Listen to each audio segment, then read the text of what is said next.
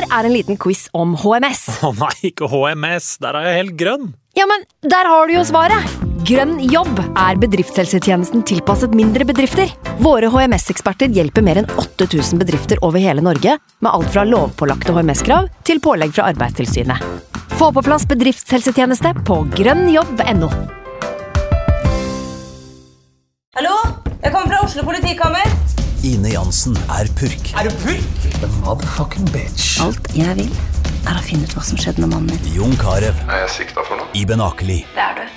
Ole So, Lars Berrum og Big Daddy Karsten. Hvem sin side er du på, egentlig? Anette Hoff, Tone Danielsen, Kommer du fra Afrika? Jørnis Josef, Nesten. Kløfta. Trond Espen Seim, Det er synd å si det, men det var feil mann som døde. Purk. Premiere tirsdag på TV2 Play. Nå har vi starta. Fantasy. God evening.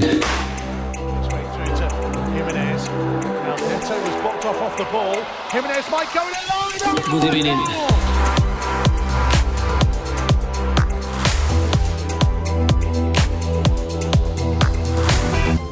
Hei og Haaland, mine ene freak eller geek Simen.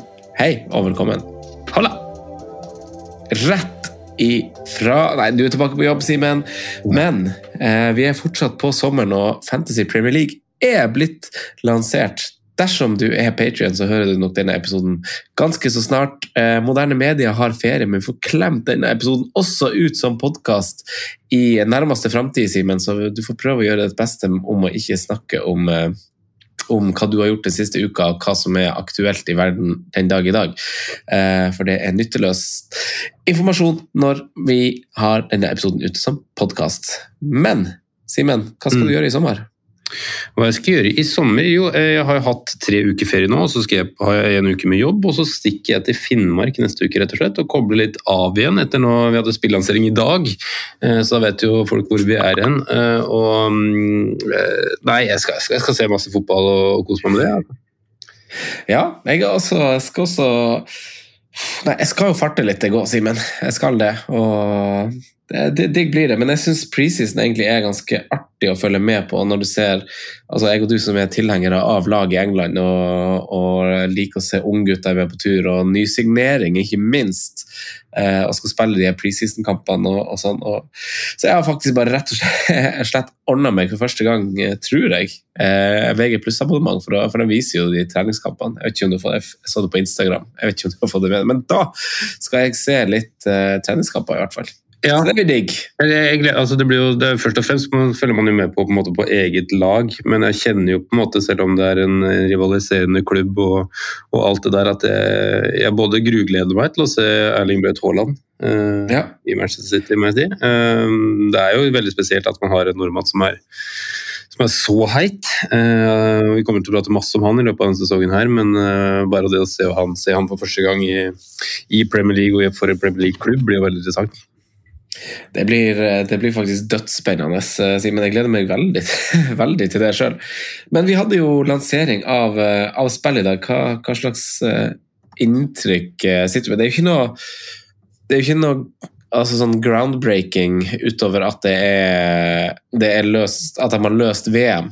Eh, men sånn, det er ikke noe det er ikke noe freed som er fjerna, benchboost som er fjerna, triple captain som er fjerna og kommet med nye chips. Det er en ny layout. Det er liksom det jeg, jeg plukka fra, fra da jeg åpna sida første gang. Hva med Ja. deg?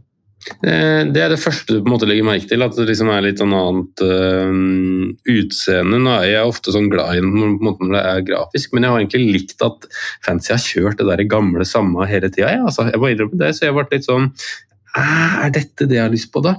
Er det lyst til at det skal, skal se sånn ut, samtidig som det er litt sånn forandring fryder også iblant. Men jeg må si at jeg likte det gamle designet bedre, altså. Eh, helt ærlig. Men det er det første, du, første man, man ser. Og som du sier, da, det er ikke noe sånn breaking news her, fordi at man har fått så mange eh, hva heter det, previews da, av priser. Man har fått nesten alle klubbene. Man, på når man har fått klubbene, så har man så å si fått alle de viktige assetene i hver eneste klubb. Eh, så det er ikke sånn at man er helt sjokka når man, når man åpner spillet som man kanskje har vært eh, man, Jo lenger man går tilbake i tid, da, jo mindre av prisdrypp etc. fikk man jo før spillet ble lansert. Um, så men det er jo mm, Vi kommer tilbake til det i løpet av potten her nå, men eh, det er jo en del sånn jeg føler man har gjort noe med nivået og hvor man har lagt prisene generelt, da, som er litt sånn annerledes, kanskje litt uforventa.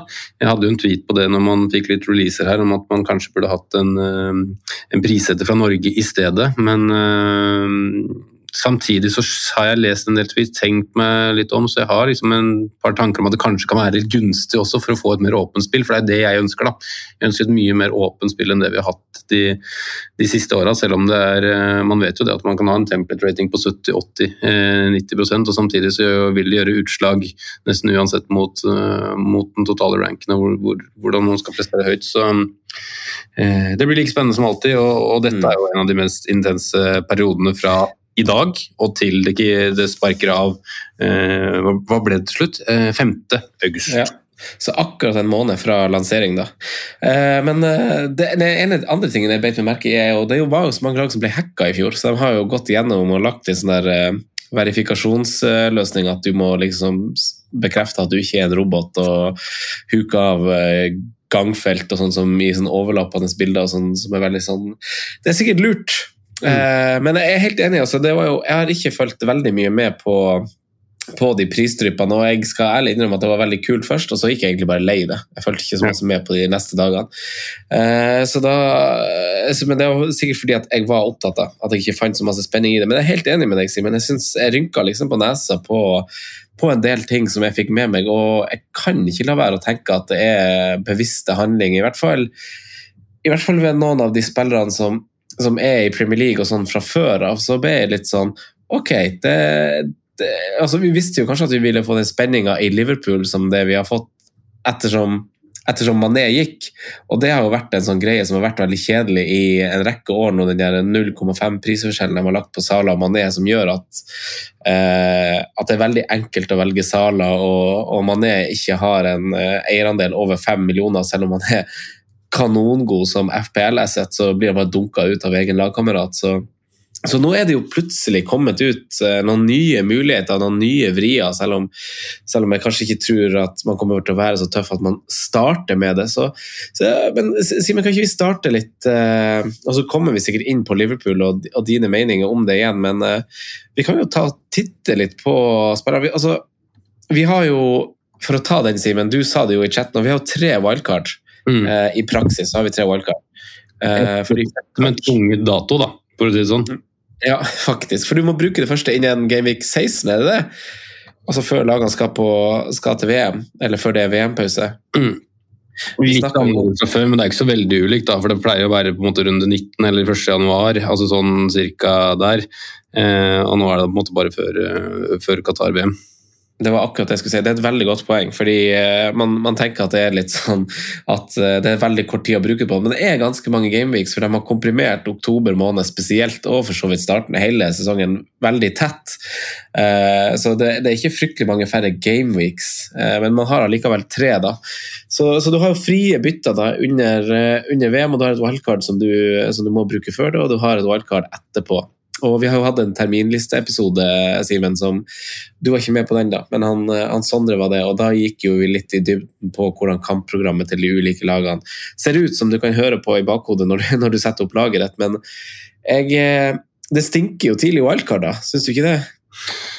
Jo, altså jeg har ikke sett så konkret på, på terminlisten ennå. og Det avhenger litt av liksom hvor man også plasserer på en måte lagenes uh, Hvor man på en måte tenker at de ligger før Eh, når man starter sesongen, liksom vinduene er litt mer, eh, mer gjort, for de flytter på en måte litt sånn rangeringene etc. Så blir det sånn bilde. Men, men, det lukter tidlig mm, wildcard fordi at man får et tredje, altså, som gjør, bryter opp dynamikken litt. At man går fra to til tre wildcard. At, at på en måte, mm. wildcard er for så vidt like mye verdt enda, men man kan på en måte tenke enda mer kortsiktig, føler jeg, enn ja. en det man uh, kanskje har gjort, uh, gjort, tidligere. med at man, Selv om det er et tvunget wildcard, så har man mulighet til å snu helt om på uh, laget sitt tre ganger. da.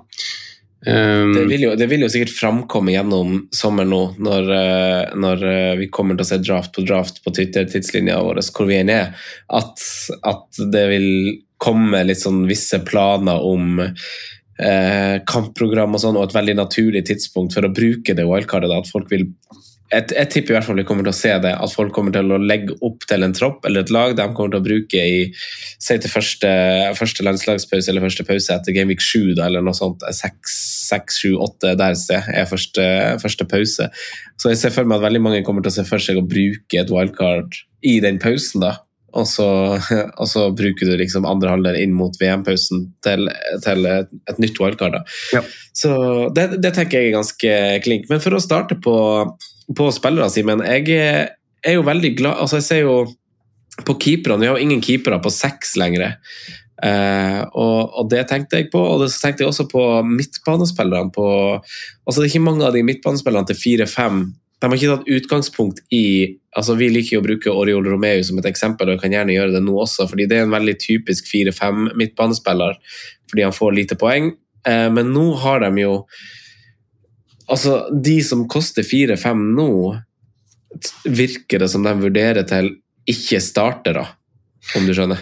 Ja, og så fikk vi jo en, eh, eller ikke en overgang, men en som virker å være nær en overgang i dag, etter spillanseringa, med Andreas Pereira, som virkelig å bli en enabler. Mm. Eh, skal til, til Fulham. Det er vel det eneste jeg ser for meg som kanskje skal inn og ta en rolle til eh, Fabio Cavalli eller noe sånt. da. Mm. Eh, Men ellers er jeg enig med deg at man virker man har lagt nivået der. Når det kommer til keepere, som du var inne på, så synes jeg egentlig at de åpner opp landskapet og gjør det et bra trekk. Ja, Eh, enig. eh, Litt uenig med at de har prisa lavere på, på generelt på fjøla, men keeperplassen har vært en sånn unison enighet eh, siden egentlig DGA ble ferdig med å storspille til, eh, til en dyr penge, at eh, man skal gå billigkeeper. Eh, nå åpner de opp det markedet der med at det er lite prisforskjeller. Eh, at man kan faktisk gå 0,5 eller 1 opp da, for å få liksom, kvalitetskeepere. Eh, og spille på en litt annen måte fantasy, selv om jeg fortsatt tror at man ender opp med der, at man skal bunkre opp med ti utspillere som er gode, og så ende med en billig keeper. Men eh, de åpner i hvert fall opp litt mer. Eh, så den endringen er jeg veldig positiv til. Den prissetninga av av keepere. Jeg er helt enig med deg, og jeg syns jo Jeg syns jo det er et, eh, et, jeg synes det er gode keepere å velge blant i 4-5-klassen òg. Eh, mest interessant for meg, som, som indikert på terminlisteepisoden, eh, Simen, er jo altså Det utelukker jo keepervalget der pga. at det er tre så jevne i Crystal Palace nå. For der har de satt alle på 4,5, så de er jo eh, veldig usikker sjøl, åpenbart. Eh, men Raja til 4-5 er fin. Sanchez til 4-5 er altså Man blir jo litt sånn farga av at det er et kjedelig valg, men, men eh, Sanchez til 4-5 er, er fint. Og så er jo Pickford Vi vet ikke hvordan de, hvordan de kommer til å være.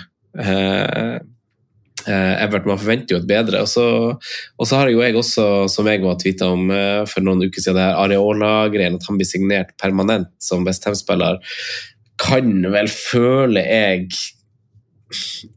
invitere til at kanskje at han Jeg skjønner ikke hvor han skal signere for Westham uh, uten at han skal få stå. Når han har vært, selv om han har vært på lån og ikke spilt, så signerer han permanent for en ganske høy sum nå. Så.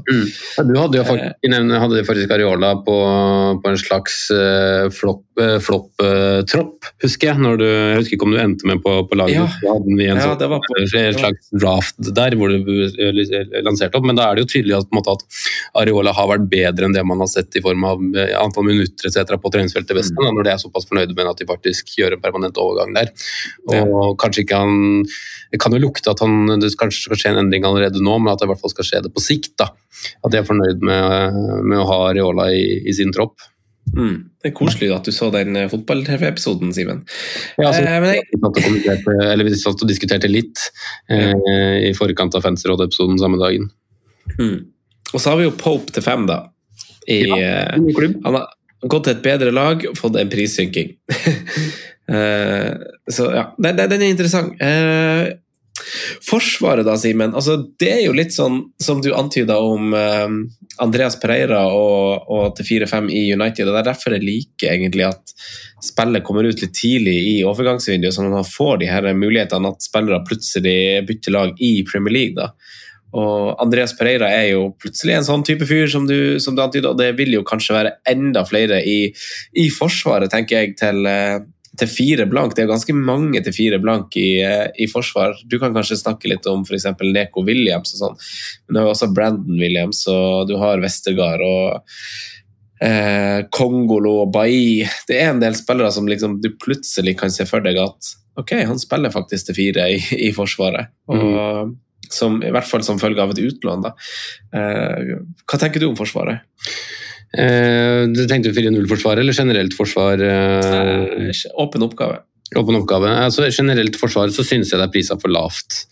Eh, og det, med det mener jeg at de, jeg synes de inviterer til at man skal spille med fire- eller fembekslinjer, som jeg egentlig er litt sånn Jeg har jo gjort det selv en del de siste, siste åra, men jeg mener jo også Men det er kjedelig!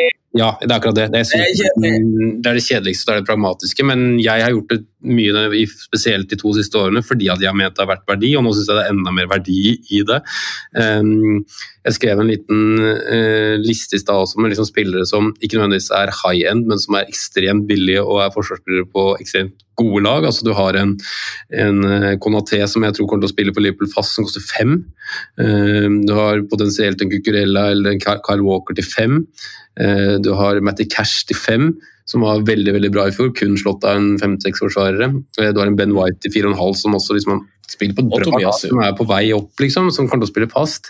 Og så har du i tillegg liksom premiums som, som James Chilwell, eh, Robertson, Alexander Arnold, Cancelo, som alle egentlig kunne gått opp i pris, da, folk, folk hadde fortsatt kjøpt de. Um, så jeg syns det er litt kjedelig. At, øh, og i tillegg så syns jeg det er litt kjedelig at da kommer også de mindre lagene til å bli mye mindre prioritert. Da, for de blir ikke like store varp. Altså Det er ikke like stor øh, fortjeneste å gå som du var inne på i den preseason-poden, å gå masse Crystal Palace når det liksom bare er 0-5 opp til mye bedre lag. Um, så den, motsetning til keeperprisinga der, så jeg- må jeg si at jeg er litt uh, skuffa. Uh, jeg syns også man, f.eks. nå som Trent Eh, Vi har sett det to-tre siste årene har vært så nail på alle lag. Prise han på 7,5 er bare dølt. Det inviterer til at alle skal eie han. og at det blir likt for alle. Hvis du priser han høyere, så er det jo mer sannsynlig for at folk kommer til å gå andre retninger. Mm. Nei, Jeg er egentlig enig med deg, Simen. Jeg satt og så på forsvarsspillere nok en gang nå mens, uh, mens du prata. Jeg er jo veldig overraska over også 4,5-segmentet. Én ting er liksom Tomiassi og White i Arsenal og, og de du nevner, men det er jo det er jo en rekke andre ganske bra spillere til, til 4-5. og Jeg har jo, jeg hyller, som du sa, Crystal Palace i terminlisteepisoden fordi at de unngår de to verste kampene eh, Hvordan blir det? De får unnagjort de to verste kampene i sesongen i løpet av de fire første kampene. Så, så det kan være litt sånn smooth å, å bare rolle på Crystal Palace-forsvarere hele sesongen. Og det så for meg at det kunne være en sånn season keeper-greie, og det var litt artig og kult og sånn. Men eh, nå med den wildcard-løsninga man fikk og VM og sånn, så er jo kanskje ikke det like aktuelt, og det er ikke vits å leke deilig med det. Men jeg syns jo på den andre sida at for jeg er helt enig med deg at verdien i forsvaret der er jo best, og det er greit at jeg ropte ut at det var kjedelig her i stad, og, og du samtykka. Eh, men samtidig så åpner jo det her døra til at altså, Se James Justin og og Kastagne og sånn på 4,5. Eh, Kyle Walker Peter ja ok, Southampton er jo, er jo god på, på, på høsten, da, Simen, om vi sier det sånn. Så jeg syns bare det er det er liksom mange spillere til 4,5 som er så for meg at kanskje skulle ligge på 5 også, Mm. selv om også de som jeg er helt enig med deg, som er dyrere, eh, burde ha vært enda dyrere, om, eh, om du henger med på den. Og så, og så har de gjort noen sånne vrier på en del stoppere. Altså, det er en del stoppere som koster 6. Eh, som, altså Matip koster jo 6. eh, I tillegg til prisa på fjorårssesongen som på en måte er riktig, at han skal være dyrere enn Konaté, men jeg synes jo for eksempel Konaté, jeg, er overbevist om at Konaté kommer til å gradvis ta over plassen, og jeg tror det skjer ganske tidlig denne sesongen her. da. Mm. Eh, Han koster like masse som Reece James og, og Ben Chilwell, da. Ja, ikke sant? Så du dreper jo på en måte med Eh, Det ingen som kommer til å ha Matip. Jeg koste meg veldig mye med å tippe i fjor, ja, til, til fem blank, var det det han starta på. Um, men um, Og får vi Kukurea til City, da, til fem blank? Uff. ja, det blir jo veldig interessant. Da. Jeg, hadde en liten prat med han internt i noen tråder også, og da var det liksom snakk om at man kanskje ikke trodde han går rett inn. Jeg tror jo Kukurea går rett inn i City hvis eh, de kjøper han. Ja, City syns jeg uansett er veldig sånn ekkelt eh, terreng, selv om det er uunngåelig. Eh, vi vi snakka jo om det også da, i terminlisteepisoden, hvordan, hvordan kampprogrammet er ekstremt tett i september-oktober-tida. Og, og spesielt for lagene som er i Champions League og skal hvile litt bein der, og sånn, så, Så jeg frykter jo et rotasjonskjør som vi er vant til å se i jula, kanskje også på våren, eh, kommer vi til å se allerede i høst. Så å våge seg ut på å fylle i sånn City-kvoter utover Cancelo eh, og, og Haaland, dersom vi går for han for start, fra start, så, så tror jeg jo man eh, eh, Det kan være litt skummelt, altså. Jo da, men så er det et viktig poeng og et aspekt som skal inn denne sesongen her, som jeg tror kommer til å, å gagne de spillerne som, eh, som, tar litt mer risiko og spiller på en måte med en ellevemannstropp. Det er jo nettopp det at man går over fra tre til fem bytter fast. Uh, flere spillere kommer til å være i aksjon. Uh, oftere den, De som kanskje er rotasjon, rotasjonsutsatte, får oftere det innhoppet på 30 minutter enn det de gjorde tidligere. Uh, nå er det riktignok sånn at det kun, kan kun gjøres ved tre ved tre tidspunkter, inkludert bytta, pluss pausa. Men at man har flere muligheter fra, fra benk, gagner jo på en måte de som spiller fra, fra de store lagene, og de som um, spiller med litt hardere risiko, og kan egentlig droppe den tolvte mannen, da, hvis man, skal spille med en, hvis man liker å spille med en tolvmannstropp, hvis man skal si tolv over minstepris. da. Ja, jeg, ja jeg, jeg, er med deg på den, Simen, egentlig. Skal, skal, vi bevege oss til midtbanen, da? Fordi eh, har, du, har, du, satt opp noe draft, forresten, for å gjøre en slags sånn break der? Jeg satte opp en veldig, veldig kjapp draft. Jeg satte jo først opp et autopic bare for å prøve å få lavest mulig team-ID, og det var litt sånn fascinerende, for det er egentlig noe jeg egentlig ikke bryr meg særlig om.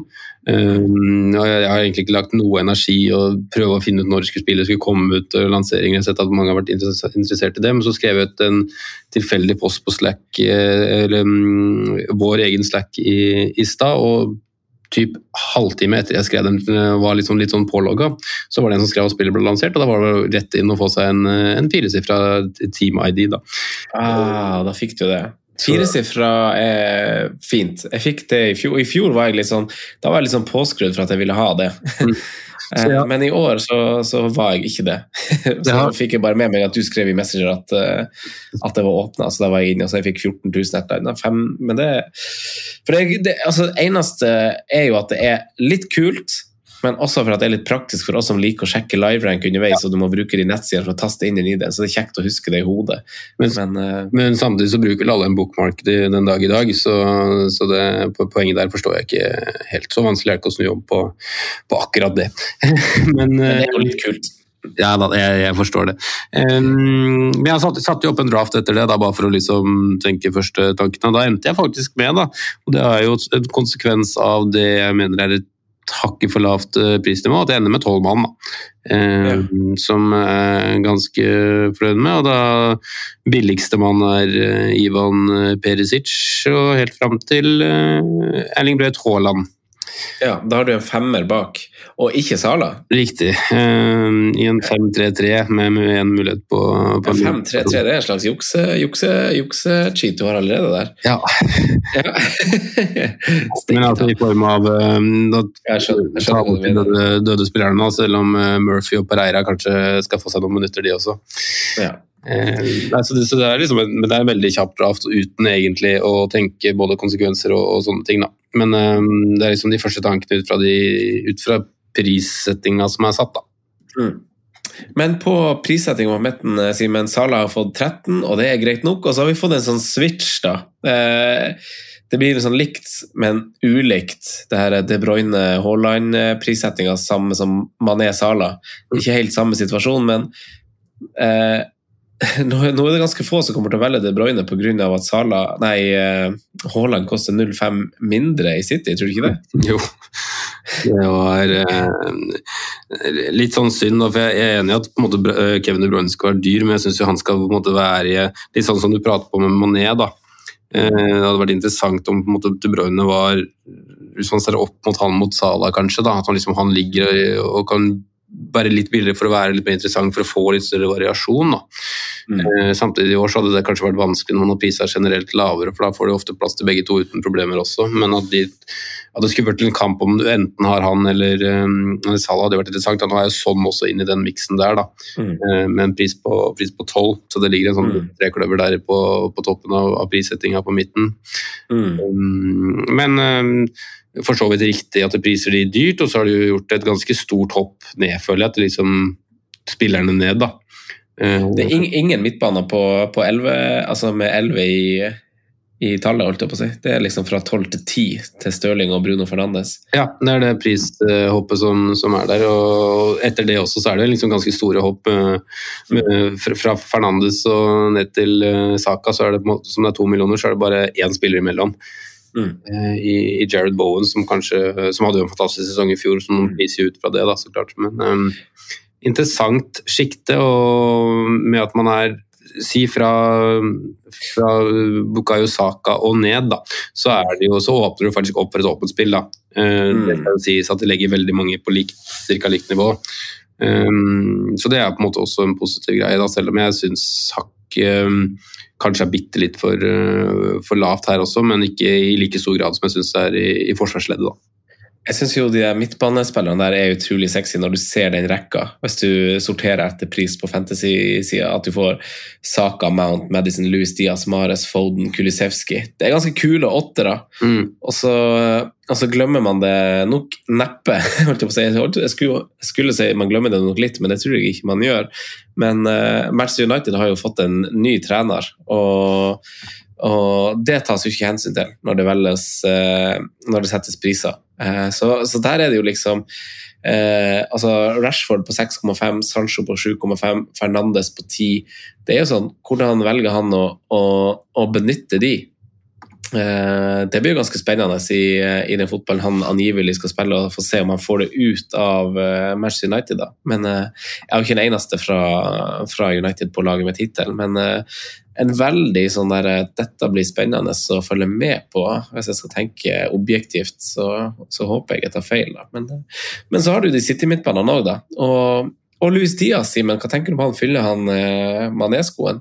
Altså Det eneste problemet med Louis Diaz, sånn som vi så det i fjor, var jo uh, the end product.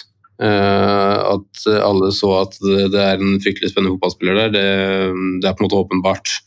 Uh, og måten på en måte allerede fra start viser at, uh, hvor mye som på en måte bor i ham, både artisteri og, og råskap, da, sånn uh, ferdighetsmessig, teknisk, eh, driblinger etc. Men um, uh, jeg synes de, der så syns jeg det er en at de priser altså han isolert synes jeg prisa for lavt, men det er jo, som du var inne på i introen, så kan det hende at det gjør det litt mer interessant med at man ser at det er fem millioner ned fra Mohammed Mm. Diaz. Eh, det skaper i hvert fall en form for dynamikk Ja. eh, som jeg liker veldig godt, selv om det kanskje er eh, Kanskje er en liten, liten feilprising, men det spørs litt hvordan man skal prise òg.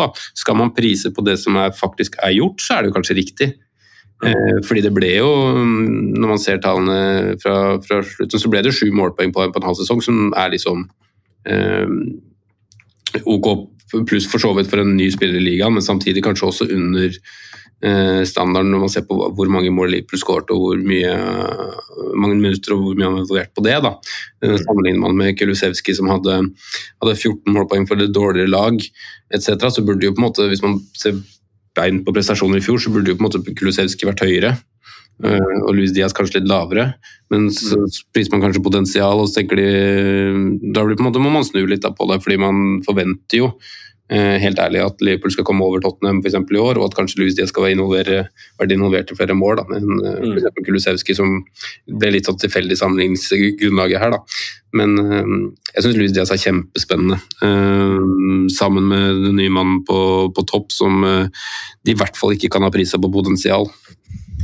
Det vil sikkert jevne seg litt mer ut uh, utover tid her uh, på, på eierandel. sånn, Men Sala har jo gått opp som et skudd med en gang og er jo eid av eh, 60 Men så er det jo Luis Stia som er nummer to, og etterfulgt der av, uh, av Pedro Neto, Coutinho, Son Saka, Bruno Guimaraes, Martinelli ja, Rashford, ja. Martinelli er jo, eh, det er jo, altså det er jo en del spillere som er sånn altså Sånn som Martinelli er jo en råsexy pris dersom det viser seg at han er bankers i laget. Ja. Eh, men det er jo eh, det er jo egentlig usikkert. Og Pedro Neto han, han er jo, Vi husker han jo fra sesongen før forrige sesong, egentlig, at han, da han ble årets spiller i Wolverhampton og, og virkelig tok de store stegene. og så ble det ikke helt det store etter han kom tilbake fra korsbåndskade eller beinbrudd, eller hva det var han endte opp med som gjorde at forrige sesongen rakna. Men det er jo masse konkurranse om de plassene i, eh, i Wolverhampton. Du har jo He-Chan Wang, det er liksom én ting, og du har Podense og du har Raúl Jimenez. Eh, og så har du Adama Traoré, som er kommet tilbake fra lån med Morgan Gibbs White, som gjorde det skikkelig bra i Sheffield United.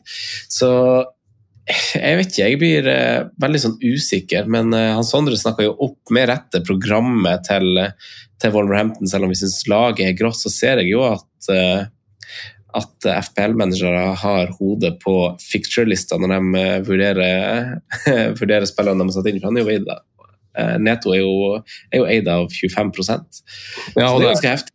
det er en grunn til det også, for det liksom øh, Det han har vist, er, er veldig bra. Og hvis man ser på tallene, selv om det var veldig lite grunnlag i fjor, så er de veldig gode. Det er en høy XG, det er en høy XA per 90. Eh, det har tallene hans fra, fra sesongen før, riktignok, hvor, hvor grunnlaget er bedre, er riktignok ikke så eh, så sterkt som det var på de få minuttene i, i fjor, men fortsatt ganske brukbare for en eh, offensiv spiller på, på, på det laget. Så, så potensialet til Pedro Netto er mye bedre enn eh, prissettingen hans på, på 5,5, og den eh, er en av de som jeg syns virker per nå til å være kanskje et av de største varpene da, på årets eh, Fancy Premier League. Oh, spennende, spennende. Ja, den er, jeg kan egentlig stille meg bak den, Simen. Han er jo i hvert fall i mitt eh, første draft eh, basert på det kampprogrammet og prisen eh, som han har. da. Så, så må han med der. Eh, James Ward Prowse han er fortsatt, blir det riktig å si, på 6,5 sammen med St. Maximer. Så det er jo en del interessante spillere i eh, lavere prisklasser òg, så jeg gleder meg til vi kommer ut i sesongen og, og altså, er på wildcard eller må gjøre bytter hvor du må, hvor, hvor du må finne en midtbane til sånn under seks og sånt. Det er artig, det. Eh, men vi kan bevege oss til, eh, til spisslandskapet, Simen. Eh, der er det jo Brauten som jo er verdt eid av 62% allerede, og Gabriel Jesus er nest mest eid. Hva tenker du om eh, Du står med én spiss, eller? Jeg står med tre. Ja, du står, jeg svarte 5-3-3, du stemmer? Mm. Sånn det var. Ja. Hvem, mm. hvem du står med på topp? Jeg står bare med én av de du nevnte der. Jeg står med legenden over alle legender, Aleksandr Mitrovic. Eh, med Kommer du starte, kommer du til å starte med han, Simen? Er du villig til å, til å ha et slags veddemål? Altså Jeg kommer ikke til å starte med han hvis jeg går med elleve mann, med tanke på at det er Liverpool Wolverhampton i de to første. Eh, Det er ganske beintøft de første sju hvis du tar totalen også, men eh, å ha han inne for en Bredford hjemme, Brighton hjemme i tre og fem hadde vært interessant. Men eh, man sikter jo heller på Hva sa han nå? Du tar han inn i wildcardet når du er halvveis til landslagspausen Nei, halvveis til VM. Gameweek- mellom Gameweek 8 og 9. Da skal han inn. Det virker mer interessant fra der og fram til VM. Det var det jeg skulle, som på en måte var neste, neste punchline der. Det, det er det en program kanskje ser for seg aller mest, da, godeste Alexander Mitrovic. Men um, i draften så ble han med.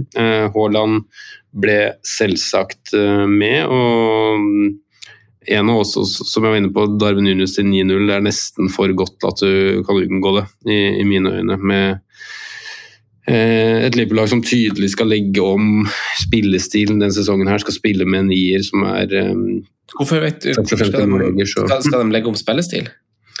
Det virker veldig sånn i måten man approacher på handler og, og alt sånn, da, at det, kommer til å bli en mye mer tydelig 4-2-3-1, 4-2-4-variant. Jeg tror også det er et viktig aspekt at man legger om til, til fem bytter, noe som gjør at man kan starte kamper mye tøffere. Man kan starte med en mann mer. Um, og Det var jo også planen, hvis man går tilbake i, går tilbake i tid, hvor man ser på overgangen. Man, man så at Fikir var, var klar, var tydelig at man skulle legge om den sommeren der, at man kjøpte en Fabinho som hadde spilt i en toer i, i Monaco, så ble det ikke noe Fikir-overgang, og så spilte man med de spillerne man hadde og fortsatte i 4-3. Nå er Mané ute, man har hatt råd til å kjøpe akkurat den erstatteren man, eh, man vil. Og nei, jeg syns det virker, ligger veldig i kortene at eh, det kommer en mye mer eh, klassisk nummer ni inn enn det man har hatt, uh, hatt før. Da. I, I Firmino som har vært for god til å, til å bruke sånne posisjoner. Så um, jeg ble veldig overraska om, om uh, Darwin Nunes ikke uh, dunker veldig mange, mange skåringer. Altså. Og um, ser liksom ikke noe grunn til at altså, folk som skriver ja, du må, må, må se han etc. Dette er en spiss som skal spille inn i Liverpool, som om knapt har bomma på en overgang siden, uh, siden uh, Klopp tok over og, og, og Michael Edwards og gutta har styrt showet. Nå er ikke nok Edwards borte, men uh, han har vært med i del av prosessen og, og, og, bestemt seg for eh, hvem som skal eh, komme inn da, som den nye målkongen. Jeg har egentlig Jeg deler jo faktisk dine tanker. Sjeldent eh, veldig enig med deg, Simen. Eh, men jeg også Jeg tenker egentlig det samme. Jeg, jeg er jo bare litt sånn redd for om han går inn rett fra start. Men jeg tenkte også da han kom inn til Nice, tenkte jeg sånn Ok, den er, den er jo kjempe, kjempefin. Og jeg så litt på det. Kan, kan stille Da jeg, eh, Da jeg gjorde litt research i stad, Simen, så så, så jeg, skal, jeg, nei, jeg kan legge det i quizformat til deg. Mm. Han, Alexis Sanchez han kom jo fra Barcelona til, til Arsenal. Ja. Eh, han hadde 19 skåringer og 12 målgivende på 34 kamper i Barca. Vet du hva han kosta den påfølgende sesongen i Arsenal? Oi, det er et godt spørsmål. Eh, første sesongen i, i Arsenal, med andre ord. Mm. Eh, Etter 19 mål og 12 assist for Barca. nei, det, det er, faktisk ikke peiling, så er et wild guess på 10 10,5. 8-5. Ja, altså ikke sant. Sala, da han kom eh, etter 15 skåringer og 13 målgivende på 31 kamper for Roma, han kom inn til 9,5 mener jeg. 9 blank. 9 blank, ok. Ja.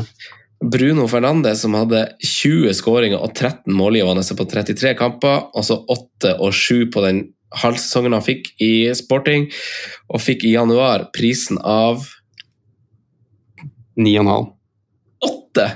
Var det så lavt, altså? Ja, så det er liksom bare det som er litt greia. Jeg reagerte jo på, Mange reagerte jo på Haaland, og man reagerte på Darwin Núñez også. Så det er liksom bare, det virker bare som noen av de spillerne som kommer fra andre ligaer, liksom, de trenger å, å bevise det først.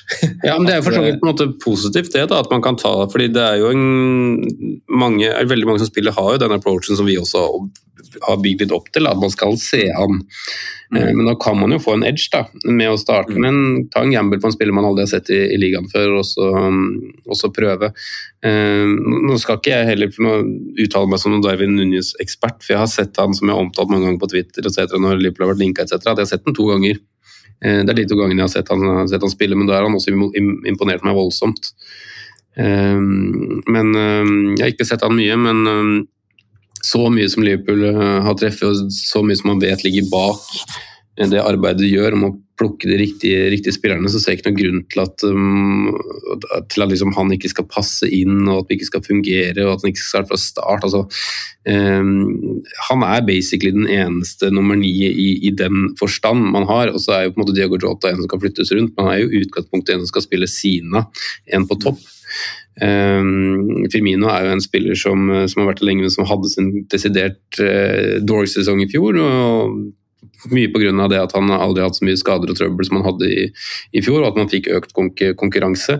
Uh, nå har man plutselig med, med Carvalho, med en, med en Curtis Jones, med en Harvey Elliot, med Firmino, med ganske mange alternativer som kan spille i den tierrollen man ikke har, har noen gang brukt, egentlig. Um, jeg, er veldig klar på det. Jeg tror Liverpool veldig mye oftere enn noen gang kommer til å spille med fire angripere uh, fra start. Og at uh, Darwin Nunes kommer til å starte så å si alle kampene i Premier League. Det blir jo selvfølgelig bare spekulering og hva man tror, og sånn, og det ville jo ha vært hvis jeg skulle uttrykt meg om Arsenal også. Men eh, jeg, er, altså, jeg er så på lag med deg i det derre Altså Liverpool har ikke bare truffet på signeringer, men, eh, altså, sånn, du kan, eh, men de har i hvert fall truffet veldig på de signeringene man har skjønt på spillere som skal gå rett inn i laget, syns jeg. Uh, så det, det er det som gjør at det liksom ikke hersker noe tvil for meg heller. Uh, så jeg syns også det er sjukt spennende. Uh, og kanskje jeg også må bruke det her VG Pluss-abonnementet mitt og se Liverpool sine kamper også, og få en, en synsundersøkelse eller syntest. Er det greit? Tror du vi klarer å få folk til å slutte å si øyetest? Tror vi klarer det sesongen 22-23?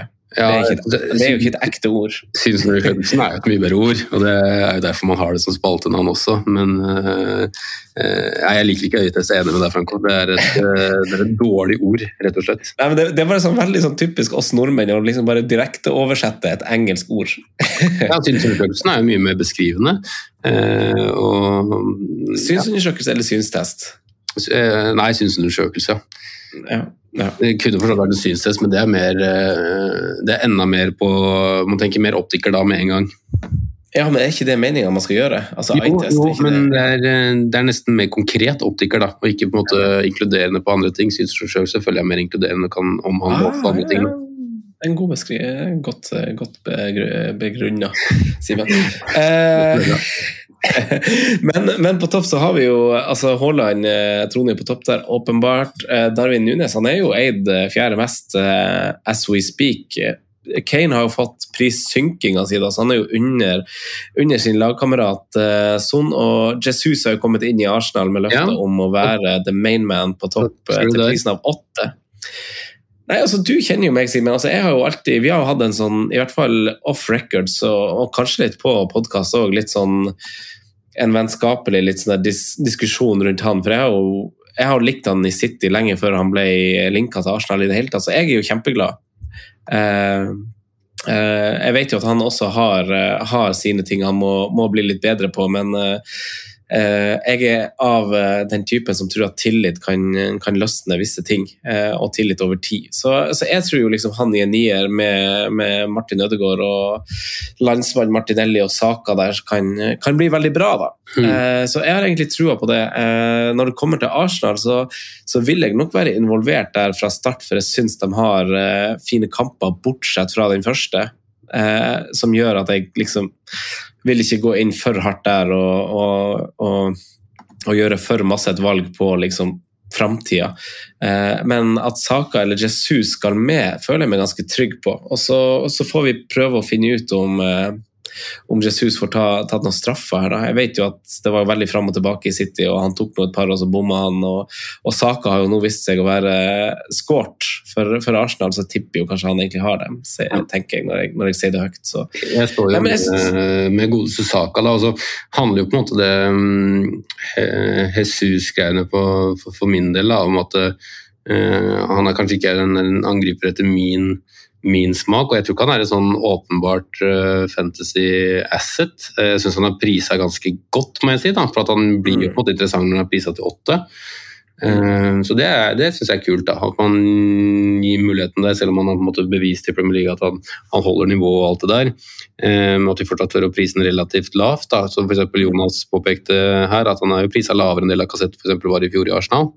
Ja. eh, Som er ganske, ganske gunstig. Men jeg tror, jeg tror uansett han er en god signering på Arsenal, så, så misforstå meg rett, men jeg tror ikke han, han dunker inn 15 pluss i løpet av en sesong. Det, det tror jeg ikke. Nei. Men det er kanskje litt sånn veldig det, godt for angrepsrekka der totalt sett, og gjøre Arsenal til bedre lag. Det, tror- det tror jeg. ja, det er jo egentlig det jeg håper på. For det har jo, man har jo Vi får se da på stilen til Arsenal, jeg trenger ikke gjøre det til en diskusjon rundt det. Men eh, det har jo vært eh, i, i ganske god margin de her kantspillerne som har kommet i de farligste avslutningsposisjonene når man ser kampene til Arsenal. Om, om det skal vedvare, for gjenstår jo å se. Det blir jo en litt annerledes spisstype du får med Jesus kontra Lacassette eller, eller sånn, da. Så, Det er jo det blir- en likhet, føler jeg, med, med Arsenal og, og Manchester City. Det har jo litt med at, en at eh, også at Arteta antageligvis har gått, uh, gått litt i skyggen av Guardiola, har vært med på det også, men det er jo et lag som begge lagene inviterer jo egentlig for så til ganske mange forskjellige målskårere.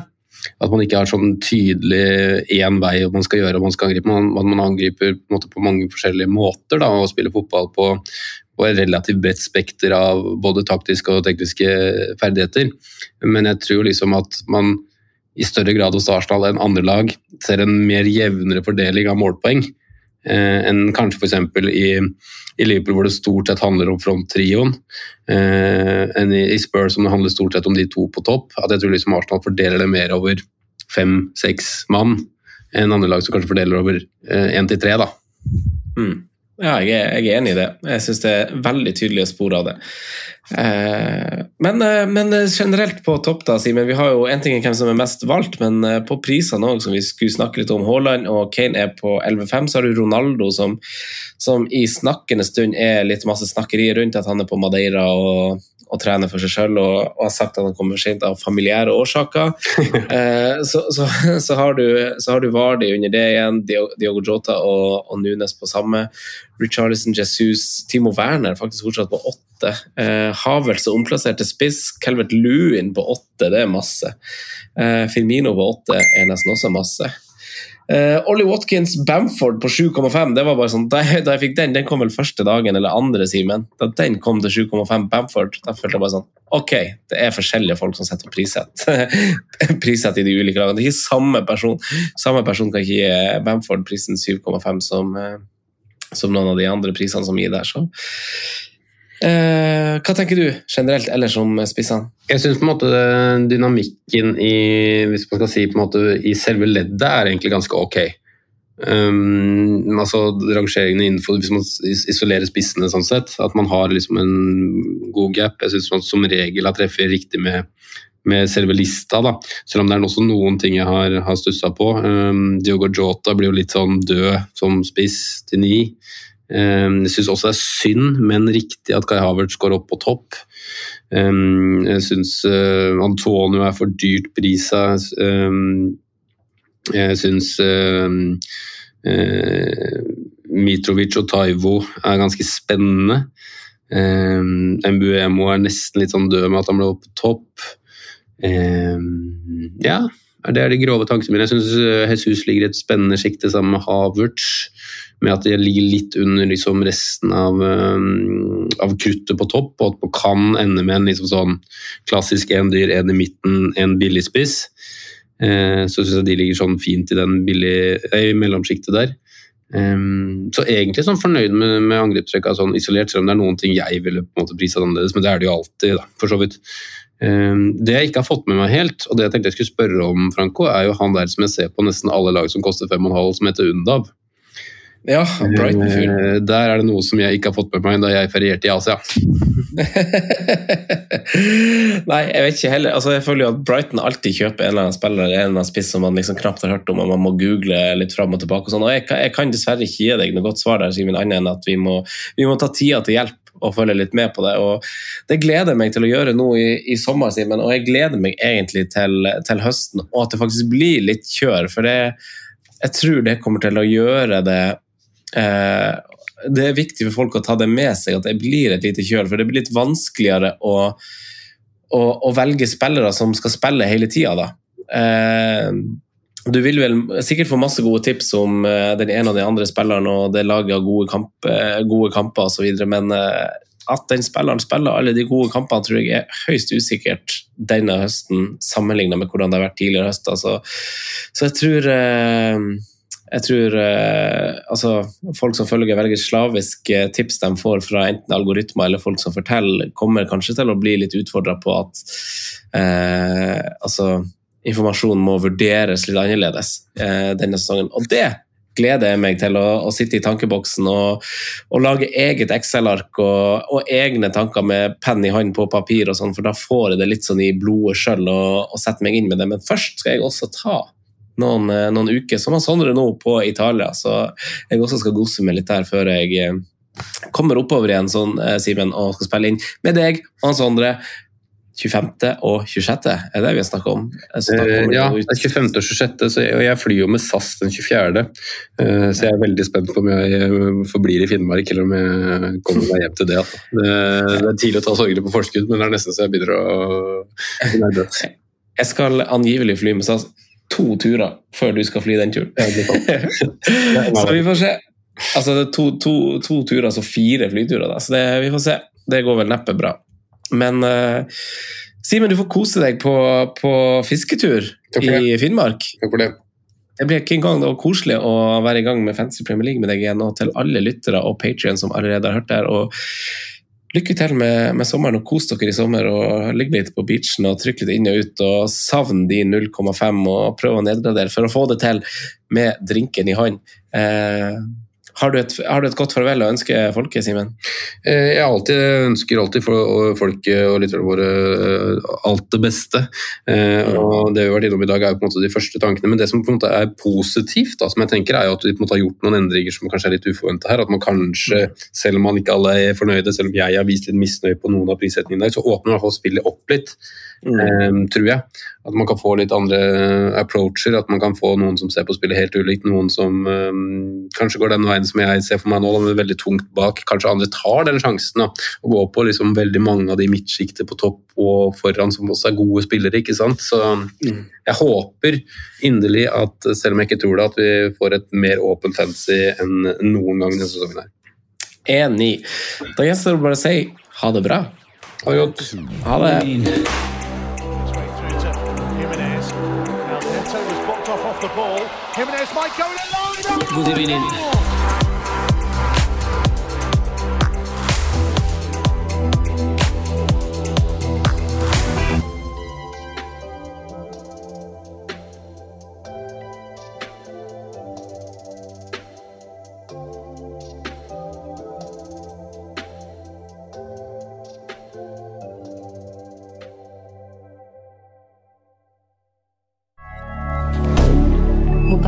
Media. Ukens annonsør er Folio, en smartere banktjeneste for deg som har en egen bedrift eller ønsker å starte for deg selv. Folio er en superenkel nettbank for bedrifter. Som kunde i Folio får du en bedriftskonto med et bedriftskort og app. I denne appen er det smarte løsninger som forenkler regnskapet ditt, uansett om du har en liten bedrift eller et enkeltpersonsforetak. Folio er både intuitivt og brukervennlig, og er laget med et enkelt språk. I tillegg tilbyr de forutsigbare priser og ingen skjulte gebyrer. Skulle du likevel trenge det, så kan du snakke med deres raske og hyggelige kundeservice, og der får du prate med en faktisk person og ikke en chatbot.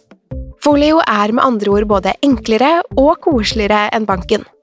Over 10 000 bedrifter har allerede valgt Folio som sin banktjeneste, så besøk folio.no og se hvordan Folio kan forenkle din hverdag også. Har du et enkeltpersonforetak eller en liten bedrift? Da er du sikkert lei av å høre meg snakke om hvor enkelt det er med kvitteringer og bilag i fiken, så vi eh, gir oss her, vi. Fordi vi liker enkelt. Fiken superenkelt regnskap.